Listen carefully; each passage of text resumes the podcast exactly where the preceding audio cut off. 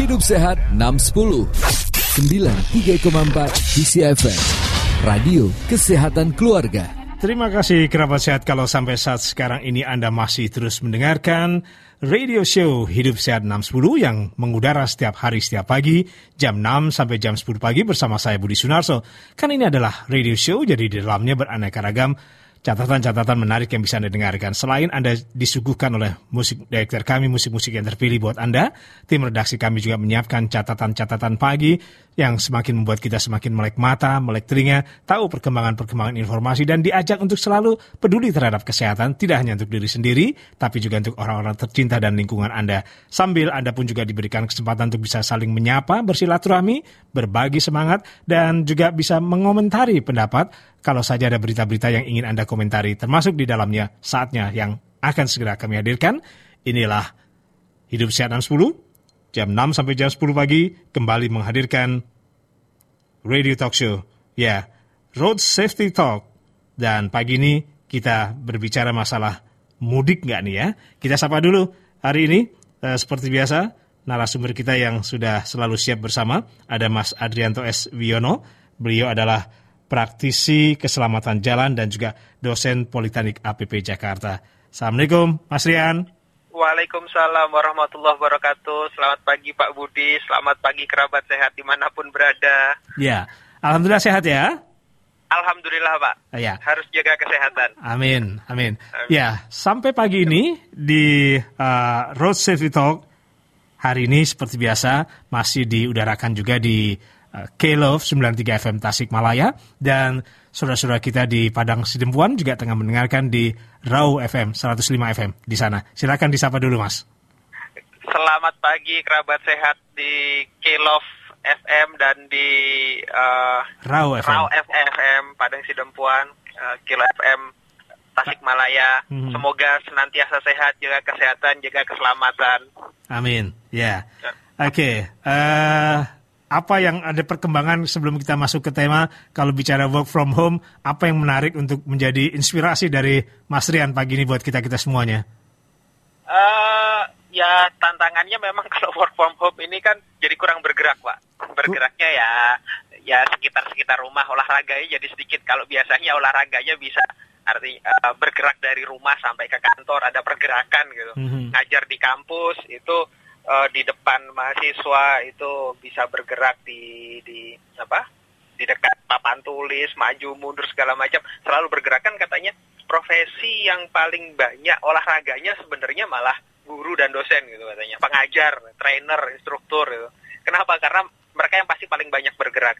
Baik itu dari depan kelas sampai ke belakang kelas, kadang-kadang mendatangi satu persatu eh, pesertanya gitu. Seperti itu. Nah, ini otomatis yang terjadi jadi gerakannya sedikit, gerakannya tinggal di rumah, paling dapur, kamar, eh, depan, ruang makan, ya muter-muter sekeliling rumah gitu Mhm. paling ya ditambah-tambah sedikit ngapain gitu nyapu atau apa gitu Iya, paling iya, iya, seperti iya. itu pak Jadi Itu yang- yang jadi membedakan. jadi sudah mulai harus disadari bahwa dalam eh, sudah berapa tiga minggu hampir satu bulan boleh dibilang ya kurang lebih Betul, Pak. Ini work from home. sudah keempat gitu kayaknya Iya ya. Jadi eh, tantangannya tadi supaya kita tidak males ya harus bergerak ya mas ya. tetap harus bergerak pak Iya. apa pun itu gerakannya Oke oke. cuma yang menarik ada beberapa eh, informasi teman-teman itu ada yang sebenarnya kan eh, work from home sosial apa physical distance tapi yang terjadi malah di beberapa tempat ariung di komplek Hmm, hmm, hmm. jadi oh ya sambil jadi kayak CFD-an gitu di di komplek gitu di jalan-jalan dalam komplek jadi rame biasanya sepi gitu Iya, ya iya. jadinya nggak physical distance juga gitu. Iya iya iya. Tapi yang yang positifnya hubungan antar tetangga jadi lebih baik ya. jadi lebih baik betul pak Iya iya. Tapi ngomong-ngomong kalau eh, tadi kan sarannya ketika sudah masuk satu bulan work from home di di rumah saja salah satu eh, yang harus diingatkan tadi adalah ayo bergerak bergerak dan bergerak begitu ya. Kalau kita hanya diam saja duduk manis tanpa bergerak itu kira-kira terlihat nggak ya memunculkan aura yang negatif gitu yang mesti kita hindari. Hmm? Bisa jadi pak pak ini sepertinya yang harus menjawab harus ahli aura ini Oh Pak. gitu ya.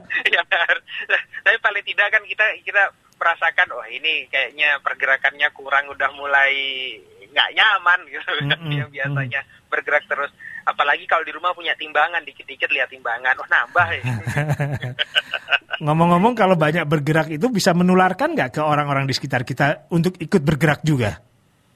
seharusnya demikian pak Hmm. apa namanya ketika yuk bergerak jalan gitu kan. Eh, akan ya paling tidak memicu untuk untuk ya masih beringsut sedikit lah dari dari dari tempat duduknya seperti Hmm. itu paling Iya, iya, iya. Takutnya nanti tidak pernah bergerak, bengang bengong, bengang bengong, nggak taunya malah sakit gitu ya. nah itu pak nggak ketahuan pak Ya, Oke. Ya, sekali lagi selamat pagi buat Anda yang ada di K-Love 93 FM Tasikmalaya dan Anda yang mendengarkan di 105 FM Rau FM Padang Sidempuan. Suara yang ada di seberang sana yang masih eh, melakukan kegiatan work from home sementara saya work from radio ya di studio ini. Ya, di ujung sana ada Mas Adrianto S. Wiono, beliau adalah praktisi keselamatan jalan dan dosen Politeknik APP Jakarta. Hari ini kita ajak Anda untuk bisa eh, mendengarkan Hidup Sehat 610 yang setiap Kamis pagi menghadirkan Road Safety Talk dengan tema mudik nggak nih? Nah, silakan kalau ada kerabat sehat pendengar kami yang mendengarkan di Tasikmalaya dan sekitarnya baik kota, kabupaten atau di Kabupaten Ciamis termasuk di Padang Sidempuan melalui Raw FM. Ayo ada WhatsApp kami 0877 80934 0877 80934 Anda bisa jadikan sarana untuk ikut ngobrol sama kita karena apa yang kita hadirkan ini buat buat bukan buat hanya kita berdua yang asik bincang-bincang tapi Anda juga harus eh, terlibat langsung dalam obrolan kita ya. Silakan, kita tunggu. Oke, Mas, eh, ilustrasi apa yang bisa kita sampaikan? Kenapa kita harus mengangkat tema kita hari ini di Road Safety Talk?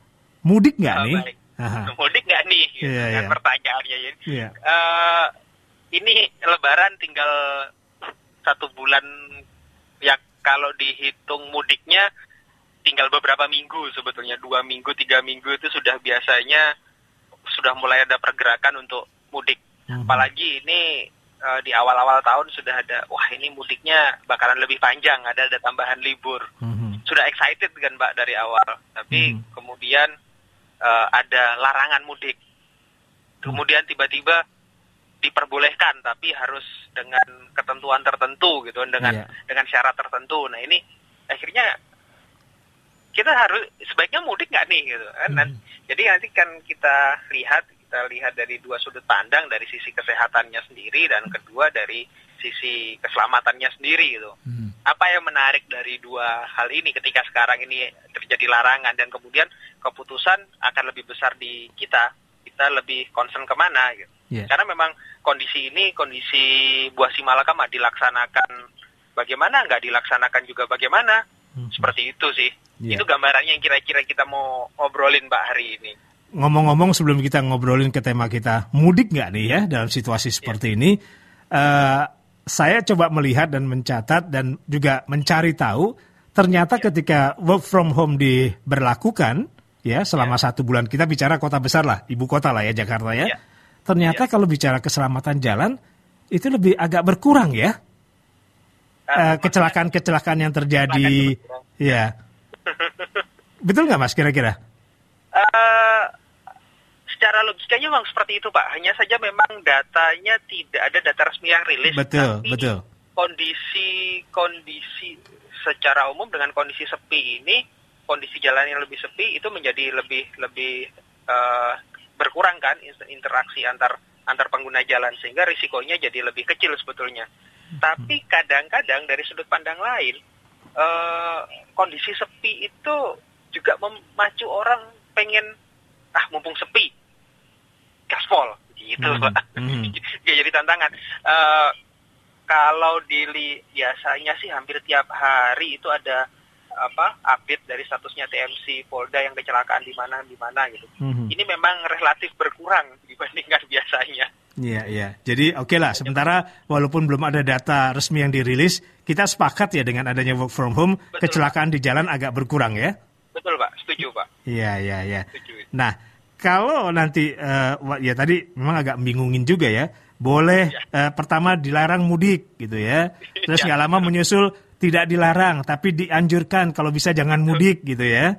Betul, Ya. Pak. Terus kalau mudik dengan aturan-aturan, begitu masuk ke kota yang berbeda harus di eh, apa screening test begitu ya kurang lebih dua minggu harus di eh, Karantina. karantina gitu ya. Begitu juga nanti baliknya, begitu masuk ke alamat asli Jakarta atau Jabodetabek harus karantina lagi dua minggu gitu. Ribet, Betul, Pak. ribet juga ya gitu ya. Ribet juga, betul. Ya, it- itu dia kan Pak tantangannya. Apa? Ketika kita memutuskan untuk mudik, dari sisi kesehatan kita punya risiko kita tertular Atau kita menulari orang lain. betul. seperti itu. Jadi kita bisa terpapar atau kita tertular. Kenapa? Karena begini, kemarin saya coba ngitung tapi belum selesai juga, belum berhasil mem- membuat hitung-hitungannya. Mhm. Kalau kita jalan misalkan dari Jakarta, Jabodetabek, pulang ke arah Jawa Tengah, Jawa Timur begitu, Mhm. otomatis ki- katakanlah oke lah kita dalam satu kendaraan tersendiri, udahlah kita charter, kita yakin satu mobil itu atau satu bis atau satu truk yang kita charter kita semua sehat. Semua sebelum berangkat ah, katakanlah rapid test semua. Oh, oke aman. Ya, pasti satu titik, satu ketika kita mau berhenti di rest area. Mhm. Begitu sampai rest area, udah. Dan titik tertinggi eh, orang berkumpul di rest area di mana, Pak? Toilet, Pak. Toilet betul. Betul. Ini pasti akan ada antrian.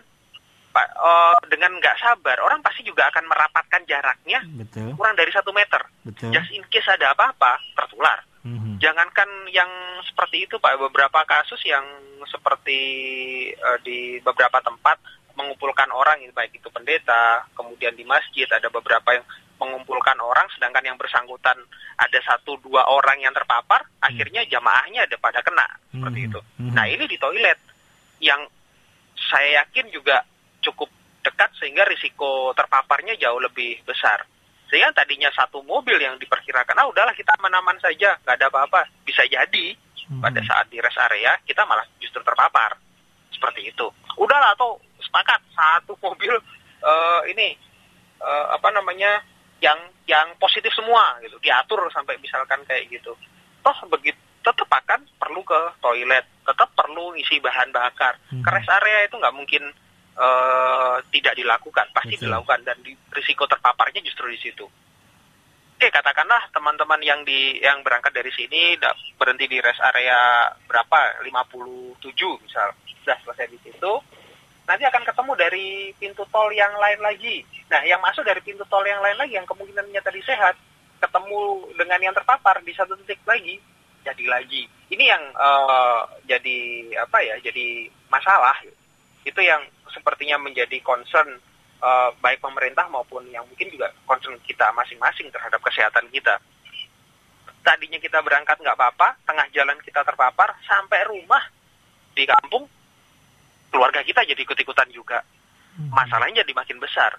Ketika mau me- apa, me- mengatasi, ya kalau fasilitas kesehatan vaskes di daerah tempat kita datangi itu mencukupi. Kalau tidak, akan jadi repot lagi. Itu kira-kira Pak dari sisi kesehatan. Ya, men- menarik juga ini ada ada data yang kita terima dari uh, teman-teman di Kelov Tasikmalaya, ya kan? Iya. Uh, ternyata bertambahnya baik yang uh, PDP atau ODP, baik di Kabupaten Tasik atau di Kota Tasik, itu rata-rata pemudik yang datang ke sana, Mas.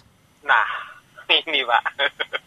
Sudah sudah langsung ada ada data dari teman-teman yang di Tasik kan berarti. mhm. Sudah ada yang wak, eh, waktu beberapa waktu lalu dari Ga- masuk ke Garut yang pemudik Garut yang pulang lebih awal ada berapa ribu orang juga Mhm. status ODP-nya langsung naik sejumlah orang yang datang ditambah dengan orang yang sudah eh, kira-kira ketemu dengan mereka ya makin makin besar aja Pak di satu Mhm. tempat Mhm. seandainya itu bisa ditahan kan di misalkan di Jakarta ya mungkin Garut Tasik itu tidak akan tidak akan banyak terpapar.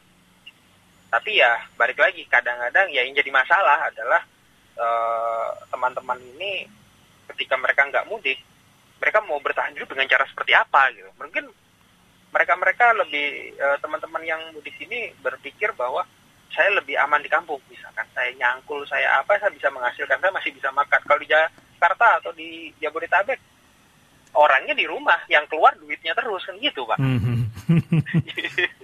Orangnya di rumah duitnya yang keluar gitu. itu masalahnya Iya. dan dan tidak murah gitu untuk hidup di Jabodetabek itu Oke. tantangannya ya jadi akhirnya kan ya kembali pilihan kepada kita Eh, ketika mau kita, kita mau milih mudik atau tidak dengan punya risiko seperti itu ya bisa jadi kita justru eh, cuman carrier sih sebetulnya mungkin kita nggak apa-apa justru Mhm, mhm. keluarga kita atau orang-orang di kampung itu eh, yang tertular atau terpapar eh, COVID-19 kira-kira seperti itu pak Mudik nggak nih? Yuk, yang dengerin yang di Tasikmalaya, yang dengerin kita di eh, Raw FM melalui eh, siaran kami di Padang Sedempuan, termasuk yang di K-Love Tasikmalaya FM, ya silakan Anda bisa berpartisipasi dengan kami. Silakan sampaikan eh, pengalaman Anda atau mungkin keputusan apa yang Anda ambil. Kalau mungkin apakah itu sudah pasti dan masih keraguan-raguan, silakan WhatsApp kami di 0877 80934. Tema kita hari ini di Road Safety Talk adalah mudik nggak nih? Mas, saya bacakan dulu ya. Ada dari eh, Pak Rustandi. Sayangnya saya nggak tahu ada di mana nih. 0812 8052 sekian sekian. Jangan lupa ya, maaf dengan segala hormat yang mengirimkan pesan di WhatsApp diawali dulu dengan nama Anda, di mana Anda berada dan apa pesan-pesan yang ingin Anda sampaikan. Oke, Pak Rustandi atau Mas Rustandi, saya mau mudik kalau corona sudah tidak lagi. Tapi kapan pertanyaannya ya? corona nggak ada lagi. Oke, kalau memang masih bercokol, corona itu sendiri ya lebih baik saya nggak mudik lah daripada saya harus dikarantina 14 hari. ribet pak ya Ribet gitu. Nah, itu salah satu itu baru satu yang dilema ya. Oke, Iya. kita break dulu ya Mas ya sebelum kita lanjutkan Baik, ya. Mas ya. Kita Baik, kembali Baik, sesaat lagi. Ya, kerabat sehat, kita masih di Hidup Sehat 610 yang setiap Kamis pagi menghadirkan Road Safety Talk. Tema kita mudik nggak nih? Bersama Adrianto S. Wiono, praktisi keselamatan jalan dan dosen Politeknik APP Jakarta. Kita akan kembali sesaat lagi. Kisi FM, Radio Kesehatan Keluarga. Member of Sentra Medica Group.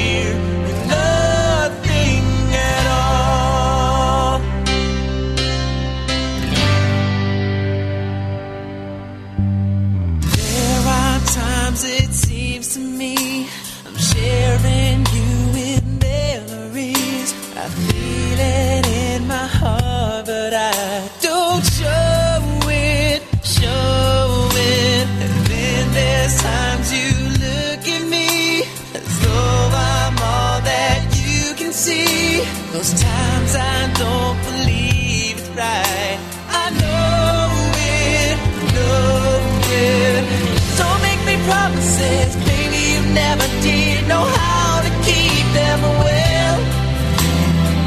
I've had the rest of you, now I want the best of you. It's time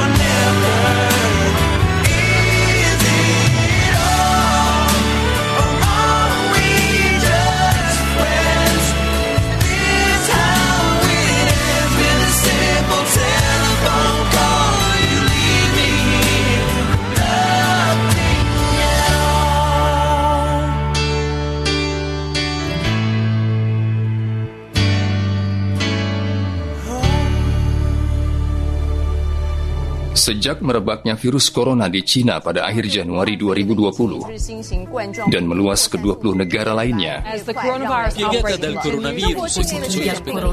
Hingga menyebar ke ratusan negara di dunia, positif corona itu ada di Indonesia. permintaan ekspor produk herbal tetes soman dipercepat. Pada tanggal 12 Februari 2020, herbal tetes soman melepas ekspor perdananya sebanyak 150 ribu botol ke 14 negara dari 46 negara tujuan dengan rencana total ekspor sebanyak 2 juta botol. Herbal tetes soman adalah produk jamu kategori obat tradisional yang telah direkomendasi oleh BPOM RI sebagai produk kesehatan Indonesia yang berfungsi untuk meningkatkan imunitas tubuh.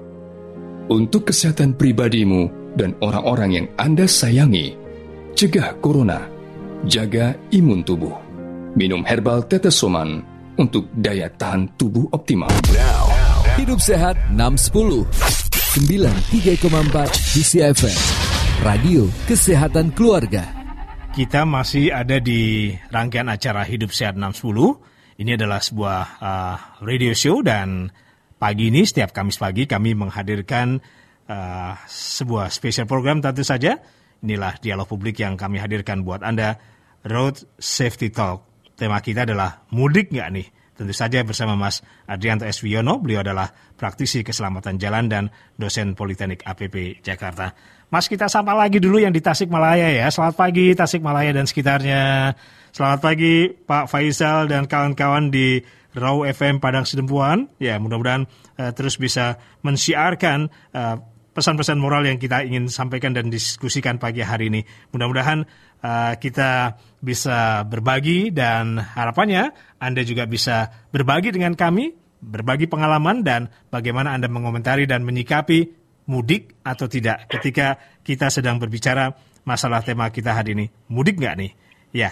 Tadi gimana kalau kalau ngelihat minimal kita sudah nangkep nih ada satu yang sudah mulai uh, galau juga nih ya ya. Mau mudik kalau corona sudah nggak lagi. Kapan pertanyaannya corona itu? Kan kita nggak bisa tebak-tebak nih. Soalnya kalau kalau corona masih bercokol ya lebih baik nggak mudik deh daripada harus dikarantina 14 hari gitu ya. Pak Rustandi tadi. Ya itu tadi Pak Rustandi. Eh, satu lagi saya coba bacakan ya Mas ya. Eh, oke. Selain Pak Rustandi pagi ini ada Ibu Hani ya. Ibu Hani Suhartini ya selamat pagi Ibu Hani Suhartini. Selamat pagi Kisi FM izin bergabung. Dengan senang hati Bu terima kasih sudah mau bergabung. Ah, tinggalnya di Bukit Cimanggu City Bogor Jawa Barat. Menurut pemikiran saya untuk sementara tidak usah mudik dulu lah kita cari aman meskipun namanya mudik lebaran. Itu adalah sesuatu yang sakral dan jarang terjadi. Kumpul-kumpul bersama keluarga. Tapi ini loh, kondisinya sedang tidak aman. Cukuplah komunikasi lewat media sosial sementara ini ya. Kita dukung dulu program pemerintah yang tentunya sangat baik untuk kita ikuti. Kalau sudah aman kan kita-kita juga yang menikmati suasana mudik lebaran. Terima kasih. Terima kasih yang sama untuk Ibu Hani Suartini di Bukit Cimanggu City Bogor, Jawa Barat. Tadi bersama uh, ada Pak Pak Pak Pak Rustandi ya. Ya.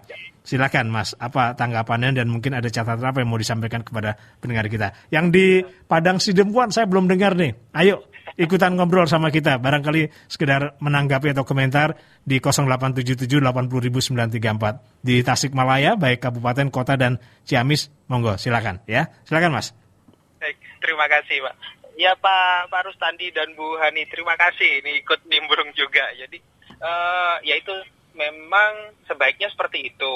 Ya se uh, seperti saran pemerintah juga jika, kalau pulang kemudian nanti ada ledakan kasus vaskes kita tidak tidak sanggup untuk untuk mengatasi untuk menampung semua pasien yang ada. Uh, apakah kena corona itu bisa nggak bisa sembuh? Bisa bisa sembuh sangat. Bahkan kalau tidak salah ini pernah sebutkan tuh kemungkinan sembuhnya 97 persen. Hmm. hanya saja un untuk menuju proses sembuhnya ini kan kalau fasilitasnya tidak mencukupi kan malah jadi masalah baru.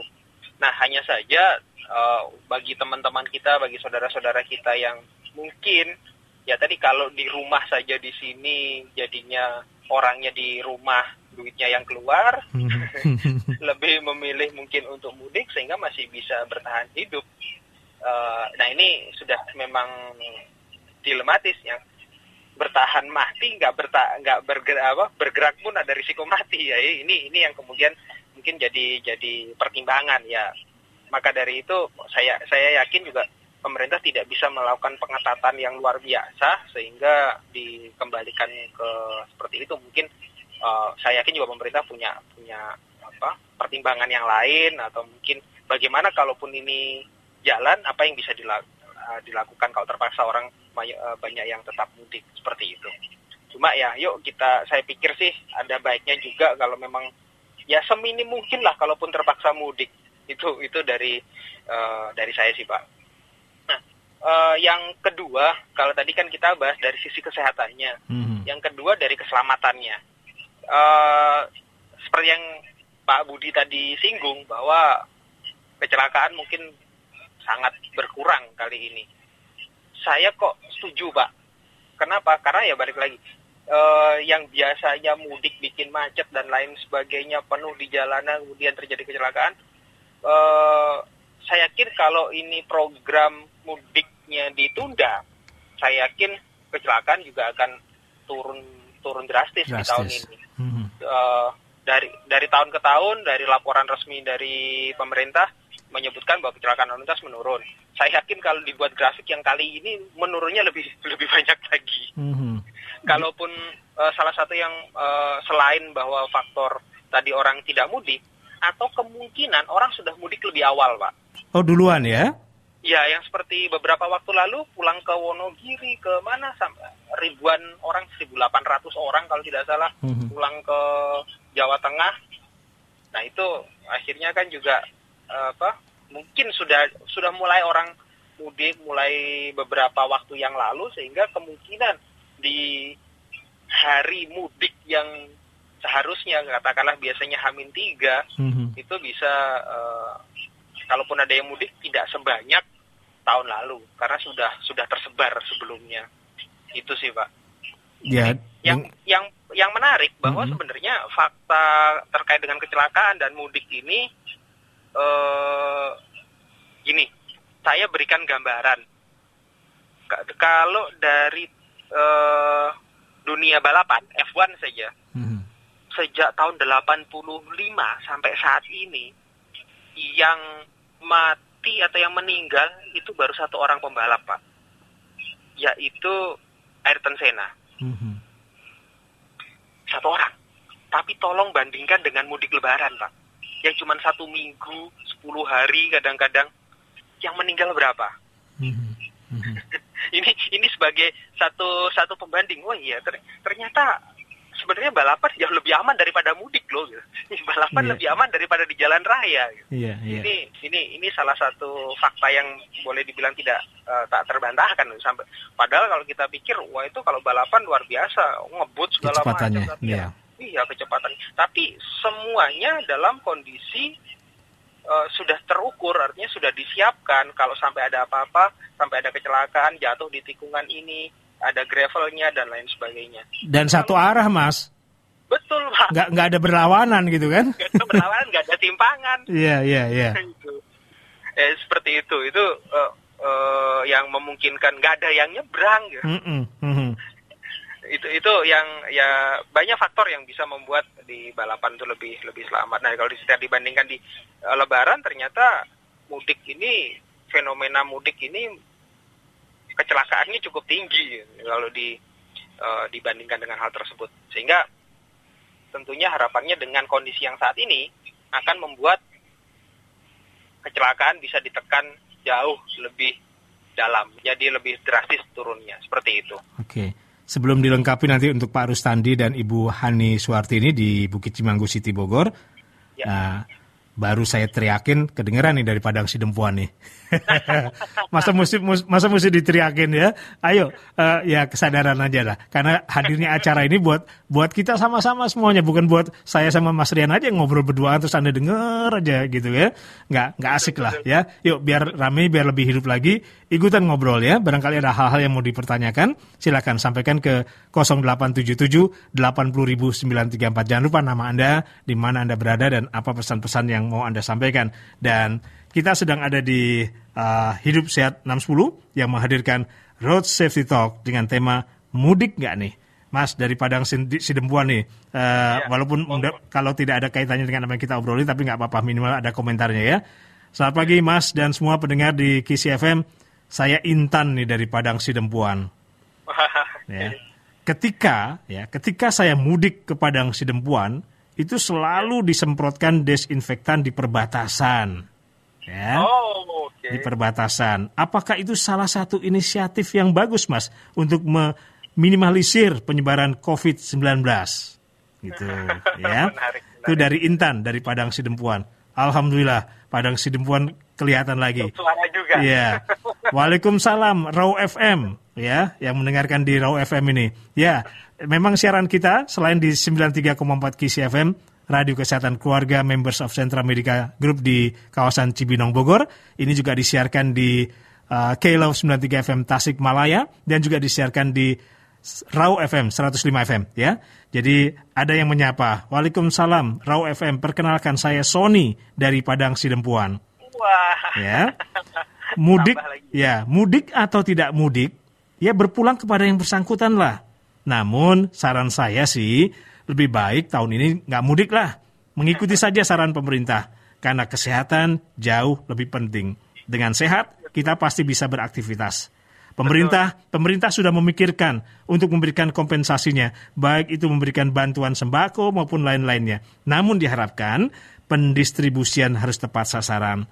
Di samping itu ya, diharapkan bagi kalangan yang mampu bisa juga ikut prihatin lah kepada saudara-saudara kita yang memerlukan memenuhi kebutuhan hariannya. Ya berupa bantuan lah begitu. Itu dari eh, Mas Sony di Padang Sidempuan, terus juga tadi ada Intan dari Padang Sidempuan ya. Termasuk mungkin ada yang dilengkapi lagi untuk eh, pendengar kita tadi ada Pak Rustandi dan eh, juga Ibu Hani ya. Silakan Mas. Baik, baik Pak. Jadi eh memang sa- saat ini saya yakin juga mayoritas setuju karena setuju untuk tidak mudik. Eh, kecuali mungkin ya tadi yang beliau-beliau yang mungkin tidak ada pilihan lagi. Ya kan ada prinsip di orang, mohon maaf di orang Jawa bahwa mangan orang mangan yang penting kumpul. Kumpul, ya. makan, nggak Mm-mm. makan yang penting kumpul. Karena kalau kumpul itu akan mem- memberikan semangat yang berbeda. Termasuk seperti kemarin itu saya baru saja lihat berita ada satu case di di Makassar atau di Sulawesi Selatan kalau tidak salah. Itu sudah satu orang yang eh, rapid test dapat hasil positif, Mhm. rapid test yang berikutnya positif lagi. Mhm. Ketika mau diambil oleh pihak yang berwajib, nggak di tidak diperbolehkan, ditahan sama keluarga nggak boleh, nggak boleh. Saya nggak yakin bahwa yang bersangkutan terkena corona seperti Mhm. itu. Mhm. Nah ini ini kan jadi jadi hal yang apa pak ya? Jadi tantangan lagi gitu. Hmm. Ya edu- edukasi memang memang sangat sangat penting. Bahkan beberapa waktu lalu sudah sudah di ma- apa sudah di mayatnya sudah di jenazahnya sudah di apa diatur Mau- sedemikian rupa ya sampai kemudian dibuka lagi akhirnya ODP semua. Iya, iya, iya, iya. ya seperti itu. Eh, ya memang ta- tantangannya adalah apakah kemudian nanti distribusi kompensasi dan lain sebagainya bisa bisa berjalan dengan baik ya kita nggak nggak tahu. Tapi paling tidak kita berusaha untuk menjaga kesehatan. Ya tadi betul saya sih setuju bahwa kesehatan jadi hal yang sangat penting dibandingkan yang lain paling tidak kita masih bisa bertahan hidup nah terkait dengan ini pak apa namanya eh, disinfektan Penyemprotan disinfektan ya. penyemprotan disinfektan itu se Kak WHO itu kalau tidak salah sempat dua kali eh, Mengingatkan. yang pertama mengingatkan yang Hmm. pertama disuruh pakai yang kemudian yang kedua jangan pakai Iya. Eh, maksudnya mengurangi lah Mhm. karena akhirnya kitanya mungkin sehat lingkungan kita nggak jadi sehat lagi gitu ter, Hmm. ter- eh, apa ter- terkena eh, apa namanya desinfektan jadi makin banyak malah mungkin malah meracuni meracuni eh, alam alam sekitar kita lingkungan kita Salah satunya disinfektan itu dilarang disemprotkan di tubuh manusia ya. Nah, betul Pak. Salah satunya nggak boleh semprotkan ke tubuh manusia.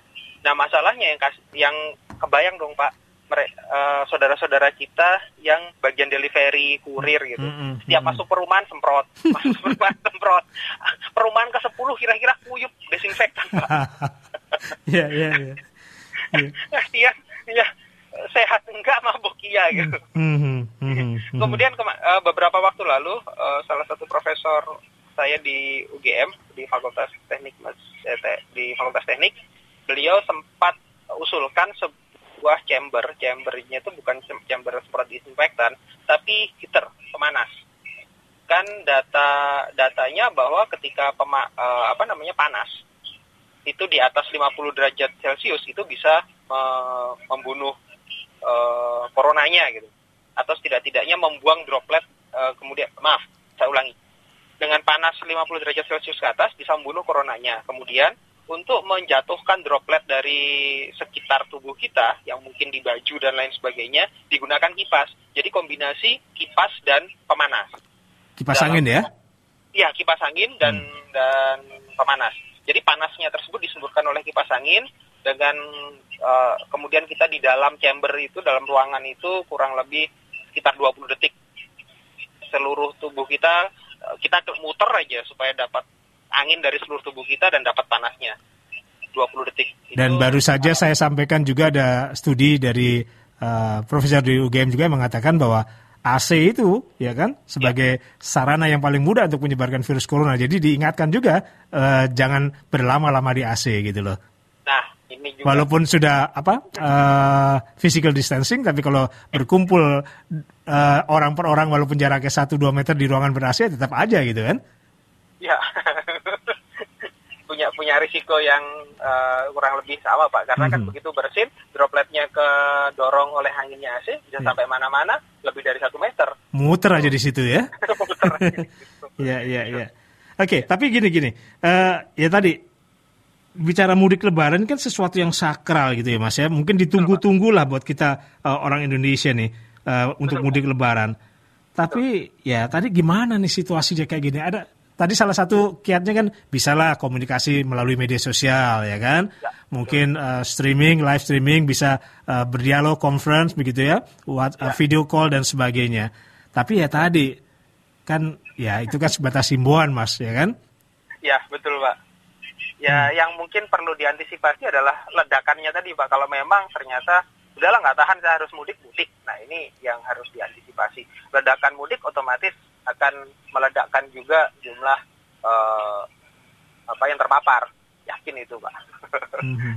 ya kemudian ya balik lagi tadi apakah eh, mungkin kita selama ini merasa aman di jalan soal mudik juga nggak apa-apa apalagi ini kosong Mhm. udahlah jalan aja gitu Mhm. padahal di balik kosongnya atau sepinya jalan tadi kita juga punya eh, apa ya kadang orang merasa bahwa tertantang atau ah ini mumpung ada kesempatan jalanannya sepi tapi mungkin juga tidak tidak ingat bahwa oh mobil saya sehat nggak sih? Oh saya sendiri eh, kalau ngebut bisa ngendalin kendaraan nggak sih? Ah, mumpung sepi ini meskipun batasnya 100 saya bisa mobil saya bisa 200 ya saya bawa 200 ya ini kan jadi memunculkan bahaya baru sebetulnya.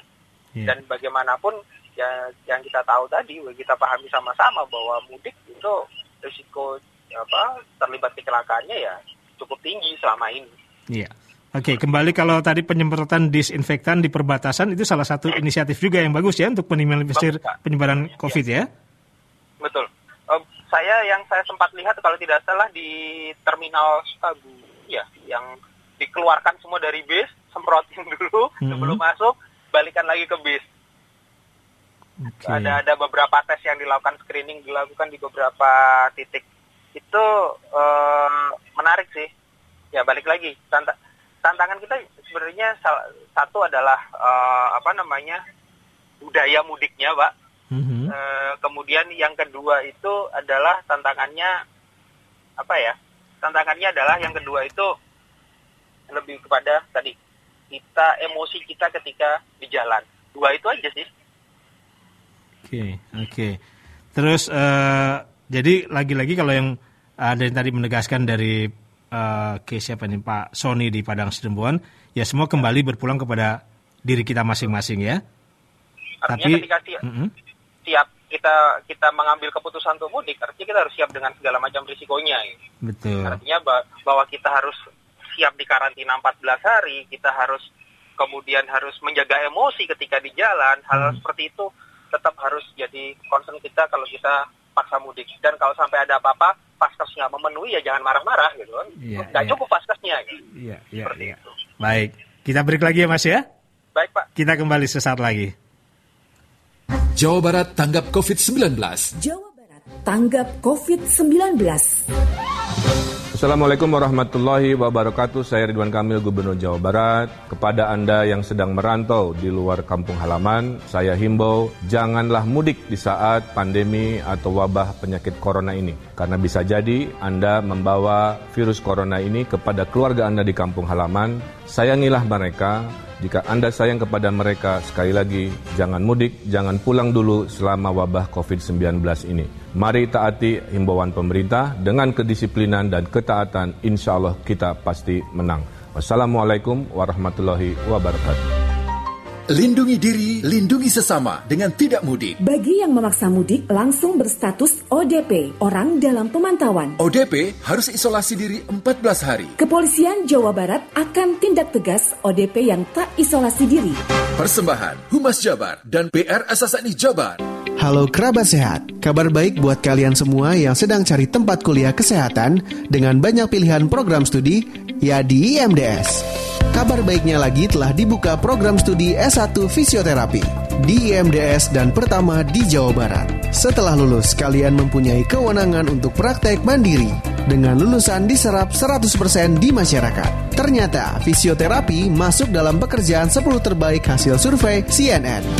Ayo daftar sekarang juga. Informasi lebih lanjut, hubungi marketing kami di nomor WhatsApp 0813 8371 8185 atas nama Herdi atau kalian daftar online di pmb.imds.ac.id. Kuliah kesehatan, ya IMDS. Institut Medika Dr. Gigi Suherman, integritas, entrepreneur, dan unggul.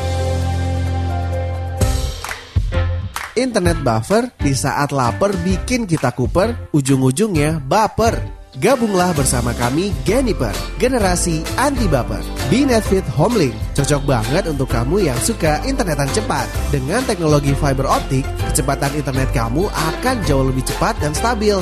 Pelayanan 24 jam membuat kamu merasa nyaman melakukan aktivitas kamu dalam berinternet. Browsing, streaming, gaming, hingga aktivitas lainnya yang dapat kamu lakukan menggunakan pelayanan internet. Nggak sampai 200 ribu kok, kamu sudah bisa merasakan serunya internetan dengan kecepatan 10 Mbps. Tunggu apa lagi? Mau internet cepat dan sehat? Pilih Binetfit. Info lebih lanjut hubungi di 021 3973 9090 atau WhatsApp ke 0877 2009 0403. Binetfit Powered Internet. Syarat dan ketentuan berlaku. Hidup sehat 610 93,4 di CFM Radio Kesehatan Keluarga Ya, kita masih di sisa waktu. Oke lah, tanpa terasa waktunya memang cepat sekali ya. Ini masuk di sesi yang terakhir. Uh, mudik nggak nih? Itu yang sedang kita perbincangkan di Road Safety Talk, bagian dari Hidup Sehat 610, masih bersama Adrianto Eswiono, praktisi keselamatan jalan dan juga dosen Politeknik APP Jakarta. Oke, sebelum nanti dilengkapi uh, catatan-catatan yang disampaikan oleh pendengar kita tadi baik uh, ada Ibu Hani, ya, ada Pak Rustandi, terus ada Mbak Intan di Padang Sedempuan, juga ada Pak Sony di Padang Sedempuan. Oke, pagi ini ada Bu Anton di Cilebut baru saja masuk. ya. Selamat pagi Mas Budi, Mas Rian. Pagi Bu, ya. Pagi Bu. Mudik tidak mudik itu ya tergantung pribadi masing-masing lah, ya. Tergantung uh, pribadi masing-masing kita sebagai masyarakat yang tahu aturan yang pemerintah berikan ya harus mentaati. Kalau ibu sih nggak mudik ah, risikonya sangat berat. Mau di rumah aja katanya. ya, monggo Mas. Ya, ya, uh, ya alhamdulillah sih sebetulnya mayoritas dari audiens kita dan mm -hmm. para kerabat sehat ini peduli kesehatannya, memang betul-betul peduli keselamatannya, mm -hmm. bahwa memilih untuk tidak mudik, uh, karena memang kita punya risiko uh, dalam hal ini, mm -hmm. dalam, terutama dalam kondisi pandemik seperti ini. Uh, ya mudik mungkin masih bisa, ya nah, kan katanya direncanakan diganti loh tanggal uh, libur mudiknya gitu. Mm -hmm ya hmm. berarti makin panjang tanggal merah kita. Gitu. Iya, yang selama ini mengidolakan tanggal merah, nah sekarang dikasih tanggal merah terus nih. Iya, jangan komplain. Iya, iya. Doanya ya. terkabul loh, Pak. Iya, iya, iya. Awal tahun berdoa bahwa wah ini moga-moga banyak tanggal merahnya dikasih tanggal merah beneran banyak ini.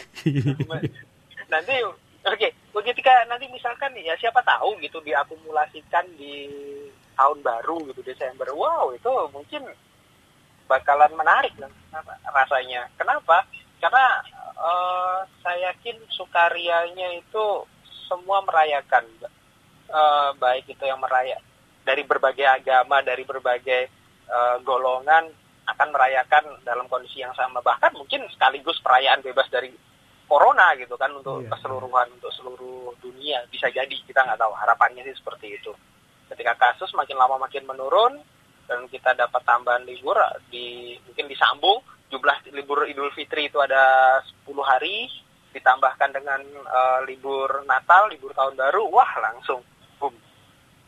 Nah itu juga mungkin antisipasi berikutnya, antisipasi kemacetan dan lain sebagainya. Mungkin tempat-tempat wisata juga akan meledak. Tapi saya yakin itu itu jauh lebih baik daripada uh, kita memaksakan untuk di kali ini. Mas, kalau kalau buat mereka yang sudah terlanjur ya, pulang kampung nih, apa sih yang mesti disikati, disikapi? Oh ya, uh, ada tambahan dari Bu Anton tadi. Hmm, sebentar, sebentar, sebentar. Oke, ada nggak kaitannya dengan obrolan kita nih hari ini?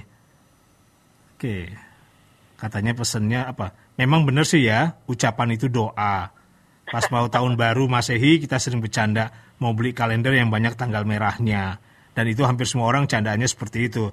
Pas tahu menteri pendidikannya dari pendiri Gojek, kita banyakkan bercandanya lagi. Nanti belajarnya secara online. Pas rapotan orang tua nggak usah ke sekolah, nanti dikirim saja pakai gosen. Eh sudah begitu Pak Menterinya bilang siswa merdeka belajar, ujian nasional dihapus. Nah terjadi deh itu semua doanya dikabulkan. Bener apa enggak nih? Katanya apa kata-kata laksana doa. Hmm.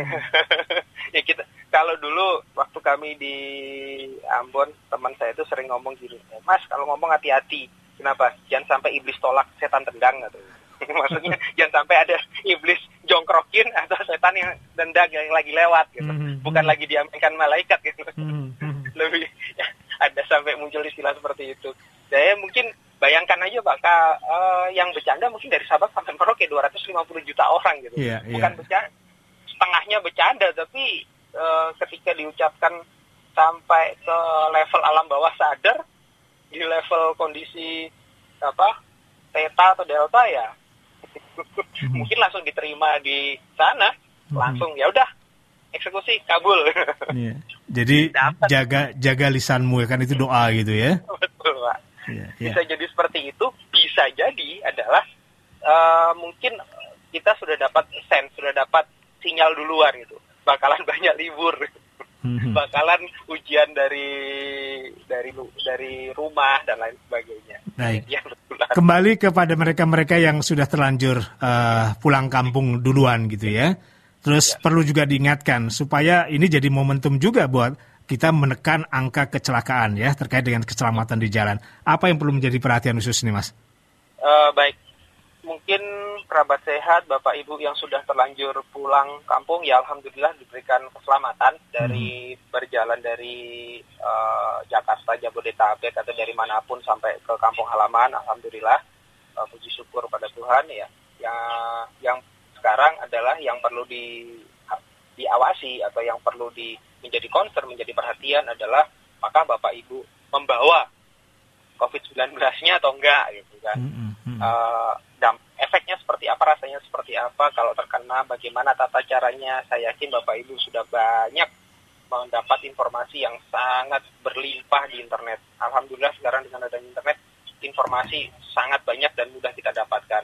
Antara lain ya, mulai dihitung saja sejak kemarin uh, sampai ke kampung, sampai ke kampung halaman, berinteraksi dengan berapa orang, kemudian selama 14 hari sejak pulang itu ada gejala-gejala yang aneh-aneh atau tidak, hmm. atau teman-teman yang sekitarnya yang kebetulan mungkin sempat berinteraksi, itu seperti apa, apakah juga uh, ada uh, tanda-tanda yang dikhawatirkan mengarah kepada uh, terinfeksi virus corona dan lain sebagainya. Jadi sudah harus dibuat catatan ya Manos ya? Betul ya? Pak, betul Pak mumpung belum lama dari uh, keberangkatan? halamannya keberangkatannya. Uh -huh. kedatangan sampai kampung halaman belum lama. Mohon dicatat mohon diingat-ingat. Ini uh, kalau sampai ada apa-apa kita melapornya mudah pak. Artinya uh -huh. kepada siapakah di situ yang bertanggung jawab? Apakah kepada Pak Lurah Pak RT Pak RW Mbak Binsa atau siapa pun? Petugas uh -huh. yang kira-kira bisa kita berikan data tersebut.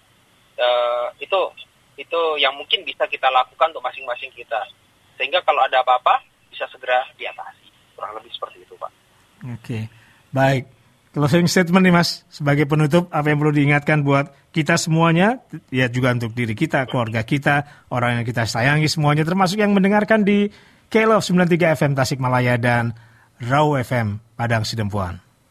Baik Bapak Ibu, kerabat sehat semuanya di mana pun Bapak Ibu berada, uh, tidak ada satu orang pun berharap terjadi hal-hal yang tidak diinginkan. Uh, kita tidak tidak ada satu orang pun yang nggak ingin mudik, saya yakin. Yang nggak punya kampung halaman pun biasanya juga ingin mudik, ah pengen pengen mudik, entah itu nanti kadang-kadang ikut ke kampung halaman uh, pembantunya dan lain sebagainya itu uh, biasanya terjadi. Uh, termasuk misalkan kumpul-kumpul keluarga dan lain sebagainya. Uh, namun dalam kondisi saat ini uh, kebijaksanaan Bapak Ibu sekalian yang mungkin uh, diperlukan untuk membantu mengatasi kondisi seperti ini. Pilihan ada di tangan Bapak Ibu mudik atau tidak.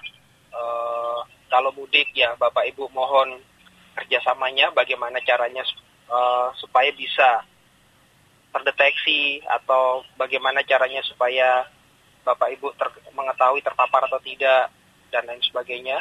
Prosedur-prosedur tersebut mohon diikuti. Uh, kemudian ketika di jalan mohon jaga emosi, jangan karena melihat jalanannya sudah kosong karena hmm. banyak hmm. orang mungkin tidak mudik. Ketika Bapak Ibu mudik justru Bapak Ibu uh, hilang kendali, yeah. justru mengarah ke kecelakaan yang seharusnya bisa kita hindari. Demikian Pak, jaga kesehatan, jaga keselamatan. Baik. Sebelumnya Pak Rustandi, terima kasih Terus juga terima kasih untuk Ibu uh, Ibu Hani ya, Hani Suartini. Juga terima kasih untuk Mbak Intan di Padang Sidempuan. Terima kasih juga untuk uh, Pak Sony ya di Padang Sidempuan juga dan Ibu Anton di Cilebut. Ya. Terima kasih Mas Rian ya. Yang paling penting mungkin ada uh, yang bisa digaris bawahi jauhi penyakitnya, jangan jauhi orangnya ya. Ya, kasihan loh betul. orangnya dijauhi ya. Oke, okay. betul, Pak. Baik, ya. Mas Rian terima kasih, sehat-sehat ya. Terima kasih Pak Budi, terima kasih semuanya. Selamat pagi semuanya dan hidup sehat 610 radio show yang menghadirkan Road Safety Talk cukup sampai di sini. Mewakili Mas Rian pagi hari ini, saya Budi Sunarso menutup rangkaian acara kita Hidup Sehat 610. Tetap sehat, tetap semangat.